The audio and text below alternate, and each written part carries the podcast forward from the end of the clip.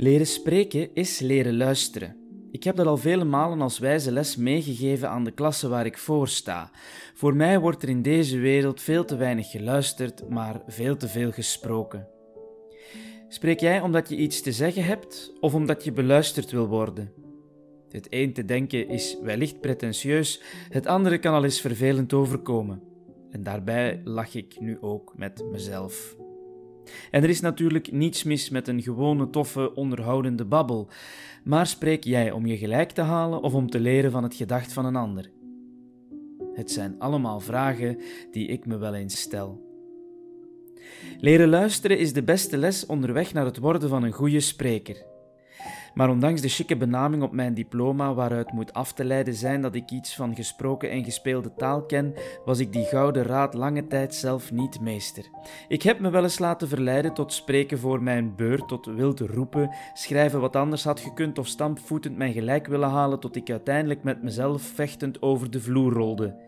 Ik vergat te luisteren naar het laatste fluitsignaal en speelde de match nog lustig door, al was ze al lang afgefloten.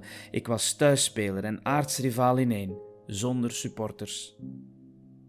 Ik vergat te luisteren. Luisteren naar het waarom. Waarom wil ik de dingen zeggen die ik wil zeggen? Waarom zou ik dat delen? Waarom is dit of dat het beluisteren waard? Ik sprak uiteindelijk zo vaak dat ik vergat naar mezelf en mijn wereld te luisteren. Ik wist niet waarvoor en waardoor ik sprak en lange tijd verloor ik er mijn stem en pen door. Ik wilde nooit meer wat zeggen en nooit meer wat schrijven. Toch werden beide mijn nieuwe broodwinning. Ik spreek nu op belangrijke momenten in mensenlevens. Heel vaak vertel ik het verhaal van een overledene. De luisteraars zijn niet mijn publiek, maar horen via mij wel het leven van een ander. Het is een dankbaar beroep waarin ik mijn nieuwe meestergraad in luisteren onlangs behaalde.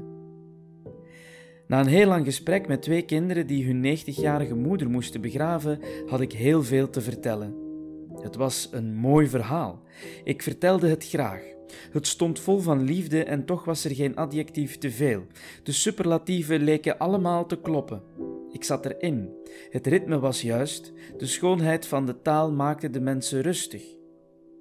Wat me altijd deugd doet na zo'n afscheidsceremonie, is dat mensen me vertellen dat ze het mooi vonden. Ook deze keer viel die eer me te beurt.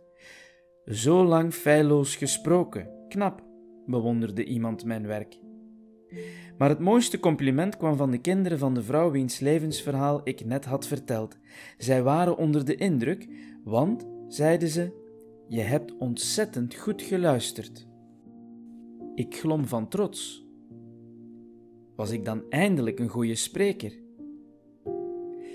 Ik weet het niet.